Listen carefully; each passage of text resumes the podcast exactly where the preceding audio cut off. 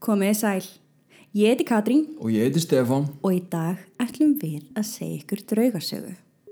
En fyrst langar mig til þess að deila með ykkur gleði fréttum. Við gerðum könnun á Instagramin okkar til að aðtöga hvort það væri áhugi fyrir því að fá afsláttarkóða hjá Leanbody og meiri hlutin kausi já. Hlustendur Draugasögur podcast fá því 15% afslátt af öllum vörum í netverslun þeirra með kóðanum Draugasögur. Þessi afsláttakóði er smá glaðningu til ykkar til þess að þakka ykkur fyrir að hlusta á Draugasögur. En byrjum á sögudagsins. Í dag ætlum við að ferðast með ykkur hinum einn á hnöttin, alla leið til Japans. Hvað geti verið í Japan sem dregur að sér ógæfi sálir sem þrá ekkert heitar en að enda lífsitt? Jú, þið giskuðu rétt. Velkomin í Suicide Forest.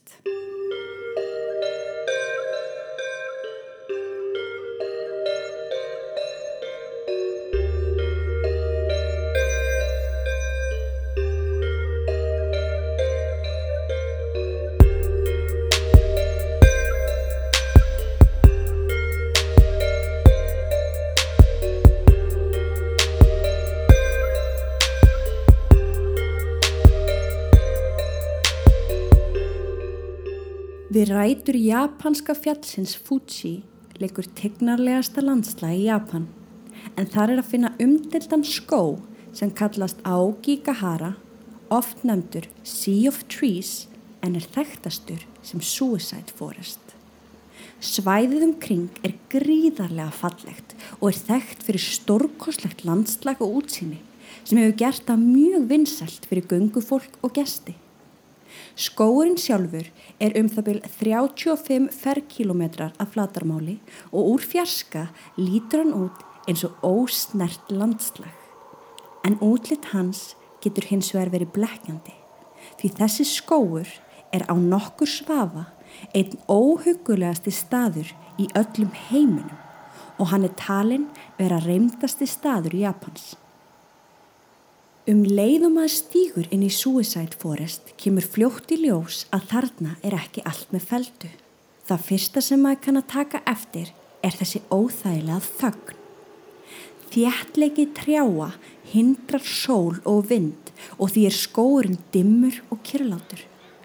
Fuggla hljóð og annað dýralíf sem maður býst við að heyra er bara ekki til staðar. Það eina sem þú heyrir er þinn eigin andadráttur og hjartað slá. Það er eins og allt líf hafi vikist undan þessum stað eða sé að fela sig fyrir einhverju. Sumir gestir hafa líst gæðum hljóðana eins og að vera undir vatni. Það sem þykir líka hansi fyrðulegt er að áttavitar virka ekki sem skildi inn í skóginum. Nálinn getur annarkvort farið hratt ring eftir ring eða lötur hægt og engin veit af hverju. Mart göngufólk sem fer inn í skógin, jafnvel algjörir reynslu boltar, fullir það að það sé engar auðvelt að tínast eða rugglast á þessu myrka og hljóðlata stað. Það er ekki óalgengt að heyra sögur af göngufólki sem á óskiljanlegan hátt rávar bara í ringi og ráða jafnvel ekki við stuttar vegalengdir innan um tríðin. Þessi furðulegu áhrif sem fólk verður fyrir um leið og það stígur inn í skógin hefur leitt til þess að margir gestir planta merkjum á tríin eða binda plastborða frá einu tríi í það næsta til þess að týnast ekki. Svo held eins og hans og Greta. Þau skilji eftir slóð til þess að rata aftur heim. Maður getur líka orðið var við furðulega og hrollveikjandi hluti eða rusl á víð og dreifum skógin pör af skóm, bæði fyrir börn og fullorna, pakningar með hverstagslegum ljósmyndum og söngtekstum sem liggur glemt og ósnert, dúka sem liggur við rætur trés og augu hennar glápa upp eins og hún sé að reyna að sjá upp í heiminn. Maður getur fundið ofgnót af skrítnum og óhugulegum grepum sem fléttaður eru á milli trjána. Þessi hlutir verðast svo týndir og alls ekki á sínum stað hér á skóarbotninum. burt séð frá öllum þessum hrollveikjandi munum heimsækja margir ferðamenn enn svæðið til að sjá hefði stórfenglega landslag og hellana sem er á víð og dreifum skógin. Margir af þessum hellum eru hættulegir og viðvörnaskildi eru því algeng sjón. En skórin á sér enn dekri hlið. Aug þeirra sem ferðast hinga til þess að dásta fegurðinni og fara í gunguferðir þá er líka gríðarlegur fjöldi órólegra sála sem koma hingað á ári hverju til að deyja. Þó að það hljómi frekar sjúkt þá virðist þetta vera hinn fullkomni staður til að deyja. Því þetta er vinsalisti staðurinn til að fremja sjálfsmorði í Japan og svo næsti í heiminum á eftir Golden Gate Bridge í San Francisco. Alveg síðan á sjötta áratugnum hefur skóurinn dreyið til sinn sífelt vaksandi fjölda fólks sem kemur til að upplifa einveruna áður en það tekur sinn síðasta andardrátt. Á ári hverju finnast í kringum 105 lík. Þetta eru aðeins líkin sem finnast með mánaðalegri eftirlitsferð og árlegum leitum þar sem lögregla og sjálfbóðaliðar leita um skógin af fólki sem hefur framðir sjálfsvík en margir finnast aldrei. Því er þó haldið fram að fjöldi þeirra sem fremur sjálfsví í skóginum sé líklega enn herri en talið er vegna þess hversu ótrúlega stór skóurun er og vegna hennar fjölmörgu hella sem leynast allstæðar sem erfitt er að leita inn í.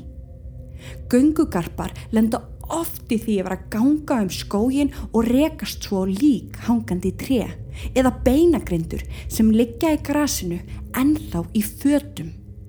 Það er erfitt fyrir lögreglu og sjálfbóðaliða að finna alla þá sem látist hafa inn í þessum dökka skógi og þar með meta nákvæmlega hver margir hafa látist. Því byðla þeir til allra gesta að tilkynna um öll lík sem þeir kunna rekast á. Það eina sem virðist fyrir að vita með vissu er að á hverju ári virðist fjöldi þeirra sem kemur í suicide forest til að deyja aukist um cirka 100 á ári hverju.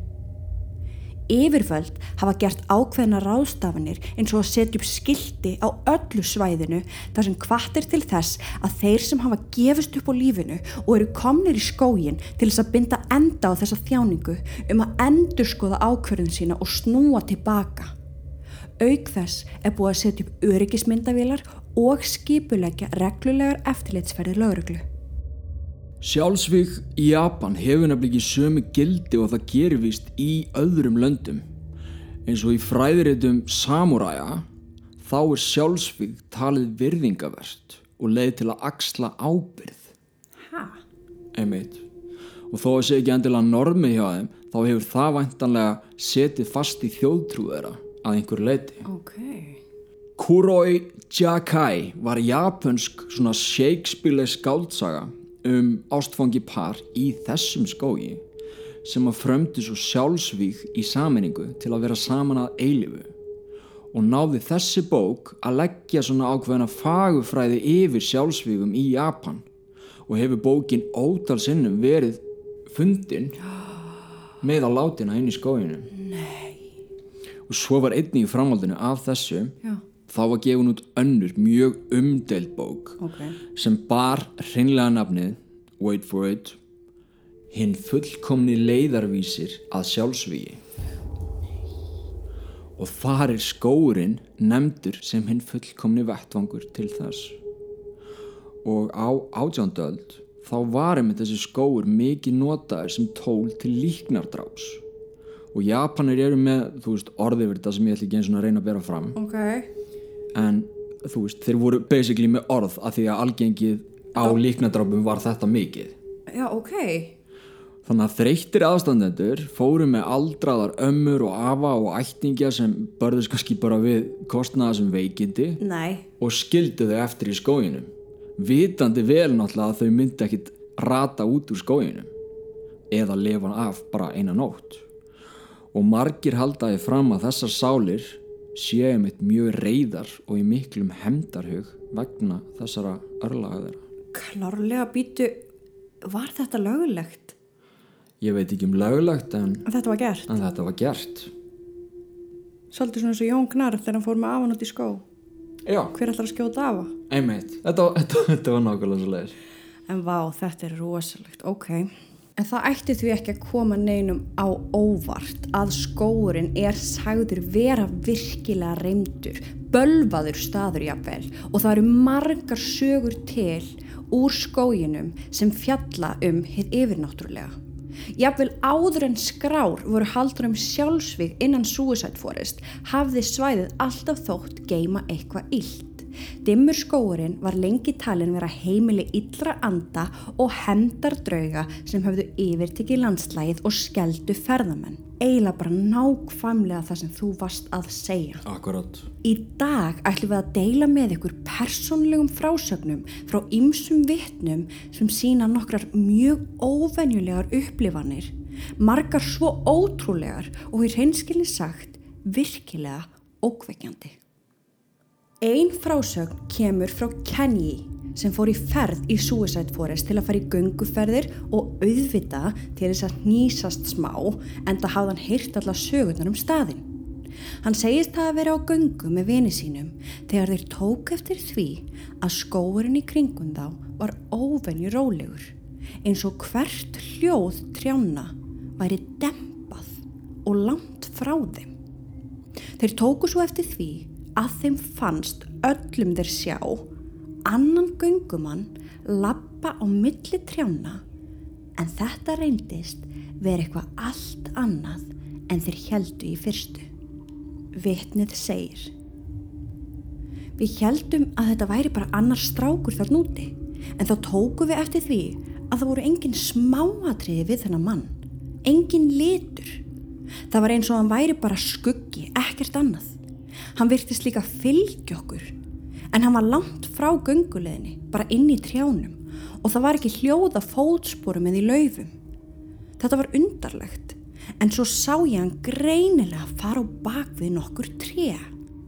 Ég bjóst við því að hann kæmi aftur út úr trjánum en í staðinn var hann skyndilega um tíu metrum á undan okkur. Hann bara byrtist þar á veginum. Það er engin leið að nokkur maður hefði geta hulið þá fjallægð án þess að ég hefði tekið eftir því. Eftir að hafa eld okkur svona í nokkur tíma stoppaðan beint fyrir framann okkur og þessi undarlega boðflenna horfi á okkur og hægt og rólega dopnaðum rétt fyrir augum okkar. Ég og vinnu minn vorum fljóðlir að snúa aftur. Önnur hróllveikjandi saga er um konu að nafni Keiko sem var í gönguferð á samt tveimur öðrum. Þau voru nú þegar búin að fara fram hjá nokkrum frekar óþægilegum hlutum í þessari ferð, svo sem skó sem hafði setið á miðjum göngustygnum einn og yfirgefin og lítilli dúkku sem lág í runna við hliðin á stygnum. En allt í einu heyrðu þau þá hljóð sem hljómaði eins og grátur inn í skóginum. Vittnið segir. Við heyrðum hvað hljómaði eins og kona sem var að gráta. Það var mjög skýrt en varð ókveikjandi þegar það virtist verða háværara. Við heldum að það gæti verið einhver aðna úti í vandraðum svo við fórum á stað til að aðtöða hvort við getum fundið hennan einstakling og hjálpað. Það var skrítið því þegar við lögðum leið okkar þangað þar sem okkur fannst gráturinn vera, virtist hann færast lengra í burtu og leið okkur dýbra og dýbra inn í skógin. Því lengra sem við löpuðum og reyndum að elda gráturinn því skelvilegri og örvætningafyllri varðan eins og einhver væri bara virkilega kvalinn. Við kölluðum til þess að reyna að finna hennan órálega einstakling en við fengum aldrei neinn svör. Það var bara grátur. Við vorum komin ansið djúft inn í skógin og gráturinn hafði verið í kringum okkur allan tíman. Loksins virtumst við vera að komast nærunum því gráturum var orðin svo hávær þannig að við vorum viss um að það væri stutt eftir. En allt í einu stoppaði gráturinn. Bara sí svona. Alveg upp úr þörru. Við vorum svolítið ráðvilt en svo tók vinum minn andköf og bendi að stóru tríu. Þar hangandi var snara og í henni hengu leifar konu sem hafði greinilega framið sjálfsvík með því að hengja sig. Við forðum okkur hratt í burtu og höfðum samband við yfirvöld. Ég hef alltaf veldi fyrir mér hvort að gráturinn sem við heyrðum hafi verið andi þessara konu sem leitt okkur að líkenar sem hafði glemst. Ok, wow, Vi, við bara, við verðum að fara inn á skó, sko. Ég veit það.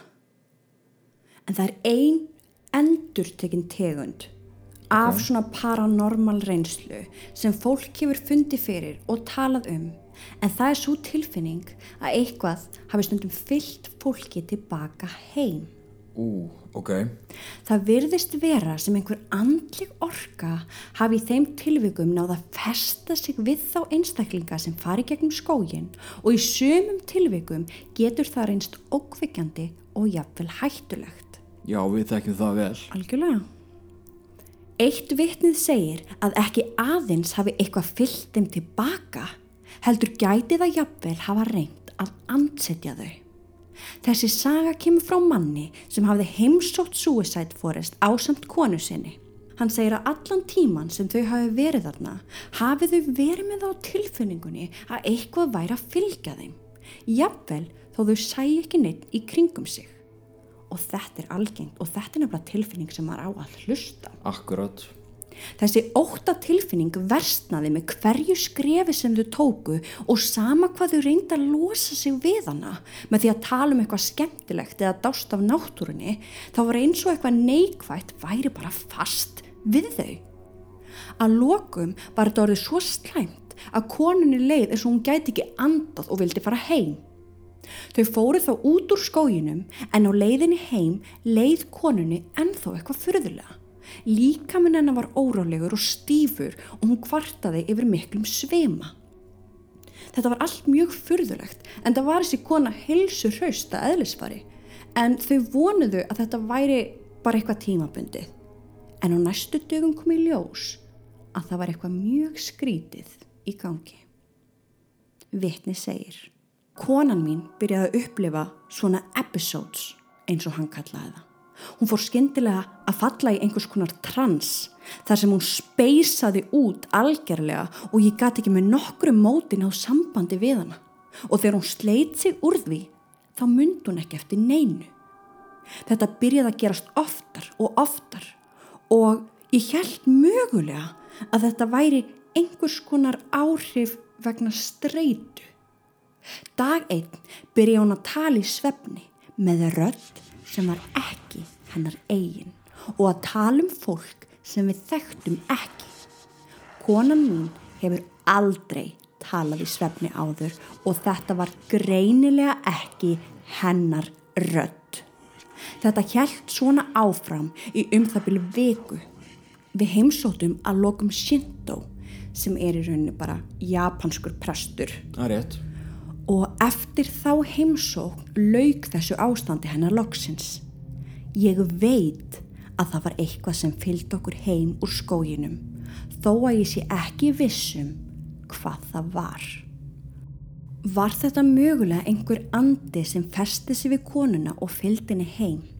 Var markmiðið að klófesta sálennar og að lokum líkama? En svona í kjölfarið á þessu þá langar mér til að segja þér hérna setningu sem að heimamenn segja. Ok. Well, we believe that when you go to a place like this, that the yurei will cling to your back and they will go home with you and haunt you at your house. So, by rubbing salt on your back, you get rid of them. Þannig að það sem þeir gera er að þeir taka salt og nutta á baki á hver öðrum til þess að andarnir inn í skóginum fylgja þeim ekki heim. Og, og festist ekki við það. Og það er eiginlega bara sama og við gerum í þessum vestrana heimi. Það, við setjum salt við hörðakarma og slíkt þess að andar kom ekki inn. Er rétt. Og samt ógulegt að hugsa til þess að þetta er það algengt að fólk finnir fyrir þessu Mhm. að þetta er eiginlega orðið bara hálfgjörst ritual hjá heimamönnum. Já, og þú bara þurfir að gera Og þú þetta. eiginlega gerir þetta. Vá. Kanski jafnvel meira ókveikjandi eru sögur um fólk sem hefur lendið því að eitthvað óútskýranlegt afl hefur tekið yfir huga þeirra. Úf, það, það búðar ekki gott Nei, þá erum við ekki að tala um eitthvað sem fylgir þér heim, heldur eitthvað sem tekur yfir hugsunum þínum. Já, Sem eru þetta bara ákveðin tegund af ansetningu. já bara djöfulegt Það er til fólk sem eru ferðast í Suicide Forest og eftir þá heimsókn hafa þau fundið fyrir dimmum hugsunum og áráttum sem þau telja ekki vera þeirra eigin. Eitt mál sem sýnir þetta var um mann sem við köllum Míkó. Hann lýsir sjálfum sér sem skemmtilegum, bjart sínum manni sem fór í dagsferði skógin frá Tókíó á sólríkum sumar degi. Míkó var alls ekki með sjálfsvíkshugsanir og hafði bara aldrei verið í þeim hugleggingum á sínu lífs skeiði. En á einhverjum tímapunkti í gungu sinni lættist þessi hugsun upp á honum að hann ætti að taka eigið líf.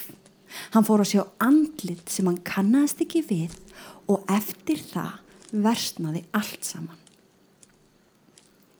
Vittni segir, ég byrjaði að fá þessar minningar í höfuðið af fólki sem ég þekkti ekki. Þessar minningar komu algjörlega upp úr þurru en þær voru svo skýrar. Þegar ég gekk áfram fór ég að finna þessa djúpu tilfinningu, örvæntingu og sorg. Þær heldtóku mig. Þær voru svo yfirþyrmandi, svo raumurulegar, svo sannar. Á sama tíma fór ég að heyra eitthvað kvísla í eirað mitt. Þessi dimma, skýra rödd sem sagði mér að enda þetta allt saman. Mér fór að líða eins og ég yrði að deyja. Líðaninn var svo sterk, röddinn var svo skýr, minningarnar voru svo sárar. Ég fann mig knúin til að drepa mig og ég gæti mögulega að hafa gert það ef ég hefði verið með einhvern búnað með mér í verkið. Ég var svo þreyttur og settist neður þarna inn í miðjum skóginum og röddinn helt áfram að kvísla í eirað mitt. Dreftu þig núna, kláraði þetta af. Einmannaleiki umvafði mig og örvandingi var algjör. Ég hafði aldrei upplifað neitt í líkingu við þetta. Svo kom annar göngumæður í auksín og um leið og hann kom til mín var eins og þessum þunga var í lift að mér og ég varð aftur, ég sjálfur. Ég get ekki alveg útskýrt almennilega hvað gerðist þarna en mér líður eins og eitthvað hafi heimsótt mig inn í þessum skógi og reynd að taka mig.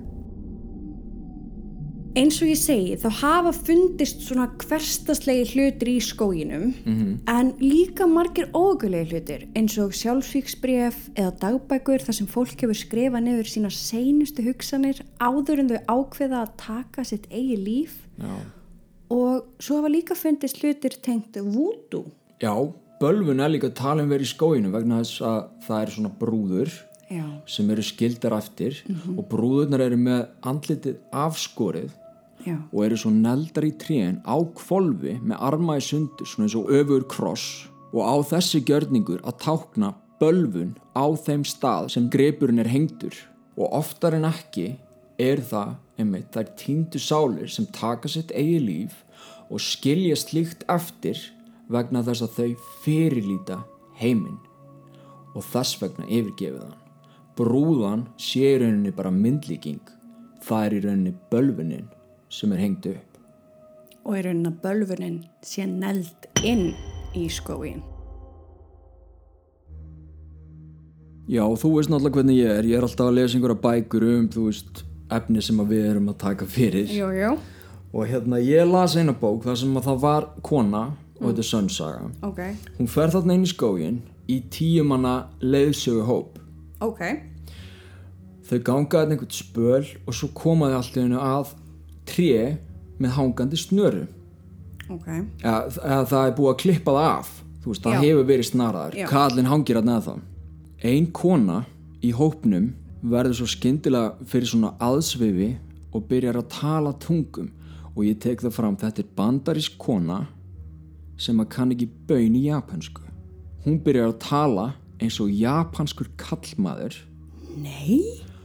og hann segir hinum nýju í hópnum hvernig hann hafi dáið af hverju hann hafi gefist upp á lífinu og hann í rauninni hafi hengt sig og það hafi verið svo kvalarfullt að því það virkaði ekki strax.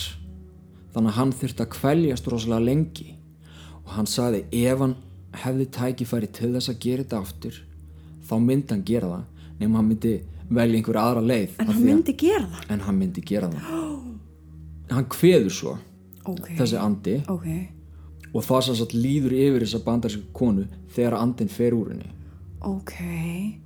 og hún man ekki neitt eftir þessu en erum náttúrulega með nýju önnur vitni -hmm. sem að staðfesta bara, veist, orða rönutna sem að komi út úr munnunum á henni og hún kunni ekki neitt í japansku Vá, hún hlýtur að hafa verið mögulega var hún sjáandi Já, Mögulega það var gæti hún verið. en hún hefur greinlega verið rosalega opinn fyrst að sko andin geti virkilega bara held ekki líka menna svona og rödd og allt. Einmitt. og það minnir svolítið á veist, þennan anda sem að tók yfir huga.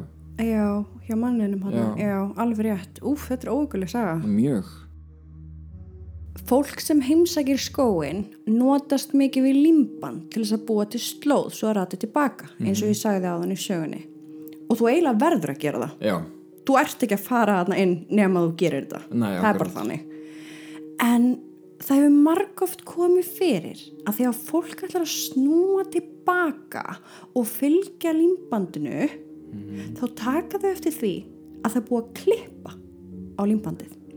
Klippa á það. Nei. Og það er mjög ólíklegt að það sé einhver að ganga um skógin og klippa á límbun sér til gamans til þess að annað fólk rati ekki út. Því halda heimamenn því fram að þarna sé á ferðinni einhver yllur andi sem er að reyna að lokka fólk inn í skógin.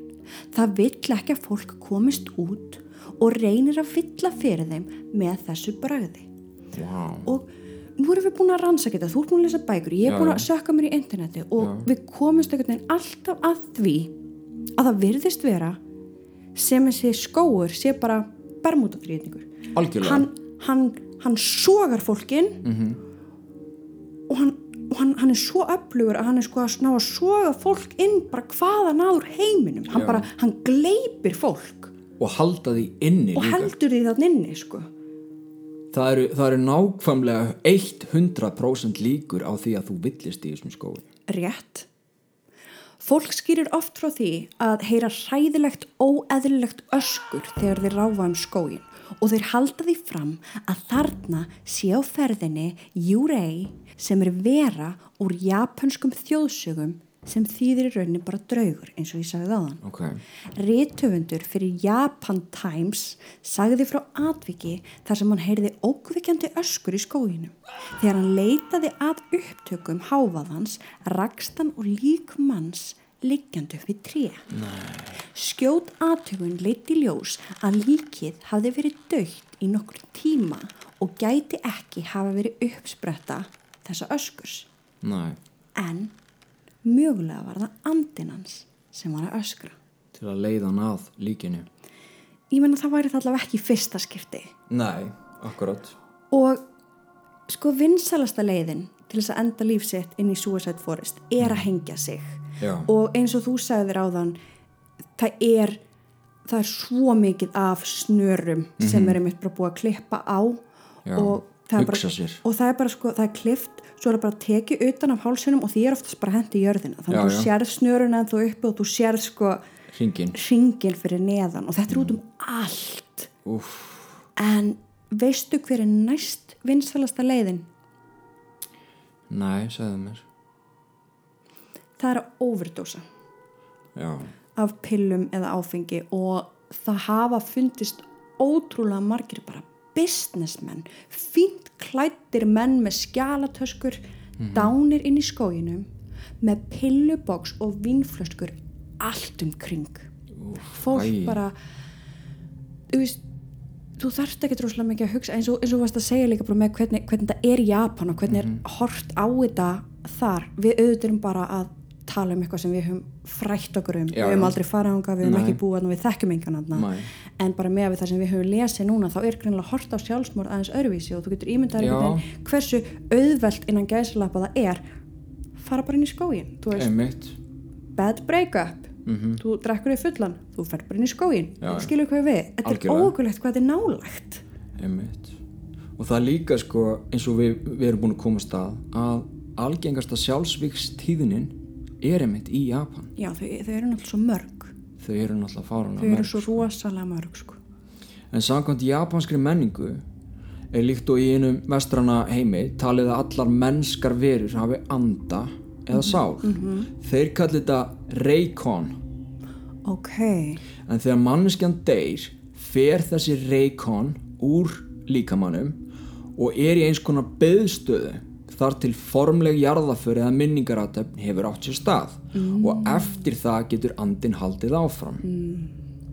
En í þeirra trú líkt og öðrum og staðfesti svolítið enn frekar veist, paranormal rannsóknir er að ef að manneskjan deyr hins vegar snögglega í slisi er myrt eða fremur sjálfsvíg verður reikonin eftir og er fastur milli vita um ókomna tíð.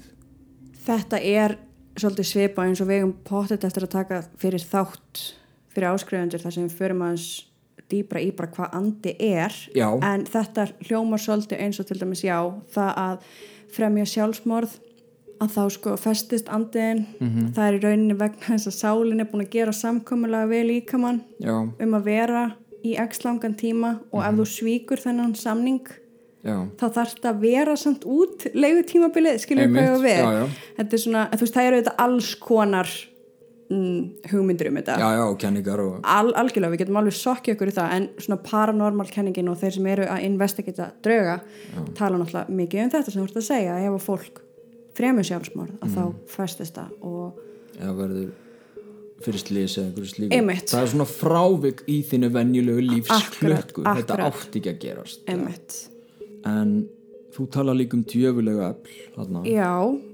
þeir vilja allavega meina það heimamenn og þeir áður en þetta byrja að verða sjálfsvík skóur í rauninni þá var þetta talið um eitt vera bara eitthvað svona djöfulegt svæði. já, já. Og ástæður þess eru líka að, þú veist, að þau telja að djöfulega öll hafa verið talin einmitt velja þarna. Er ekki bara vegna þess að það eru fjölmargir hellar sem eru undir skóginum? Einmitt, heldur jarðvegurinn stút fullur af segulmögnuðum jártegundum sem að tröfla staðsetningabúnaði, farsíma og önnur ráftæki sem er ekkert annað en risastór raflaða fyrir paranormal activity, djöfulegt eða jarðnast og ofan á það allt saman þá er þetta virt eldfjallasvæði ég veit að ég komst að þessu nefnilega líka. þetta er bara rugl hvað mikil, mikil orka. Já, þetta er bara segull. Ekkert annað en það. hugsa sér Hvað er það við þennan skó sem dregur að sér ógæfu sálir hvaðan af úr heiminum? Af hverju ákveður fólk að enda lífsitt akkurat þarna? Er landið sjálft og andrumsloftið fyllt neikvæðri orku? Er jörðin súr og lituð af sásöka? Af hverju er þessi staður sem verðist svo fallegur að utan vera segull fyrir svona yfirgripsmiklar sögur af órökstutum, dimmum, yfirnáttúrulegum öflum? Hvort sem þú trúir á þessi óeðlilegu fyrirbæri eða ekki, þá geta allir viðukent það að stíga inn í þennan skó er ótrúlega furðuleg og óhuguleg reynsla og að vita um öll döðsföllin sem hafa gerst innan um tríin gerir þetta allt en meira tröflandi. Á Kikahara er umvafin með dökkri dulspeki sem mun líklega halda sögum eins og þessum lifandi næstu ára raðir. Þjáist þú af sjálfsvíkshugsunum eða hefur skadað sjálfan þig? Flestir það einhver tíman á lífsleðinni að sjá ekki fram úr aðstæðum. en sjálfsvíg er slæmur valkostur. Það er endanlegt og bannvænt. Hversu mikil sem vanlíðan þín er í augnablikinu getur þú tristi að hún mun líða hjá. Einnig er verðt að hafa í huga að sjálfskaði er ekki eitthvað tímabil sem líður fljótt hjá svona eins og úlingaveiki. Heldur getur vítarhingurinn varað í alltaf 20 til 30 ár. Jafnvel þó ykkur létti rétt á meðan þið skaðið ykkur varir sá léttir ekki lengi. Heldur endar í mikilli skömm og sektarkend. Við viljum því benda á Pieta samtökin sem sinna forvarnarstarfi gegn sjálfsvígum og sjálfskaða og styðja við aðstandendur. Farið inn á heimasíðuna pieta.is og skoðið starfsemi þeirra. Sérstu í brítni þörf fyrir að tala með einhvern núna, ringdu í síma 1717. Hjálpar sími Rauðakrossins er opinn allan sólarhengin.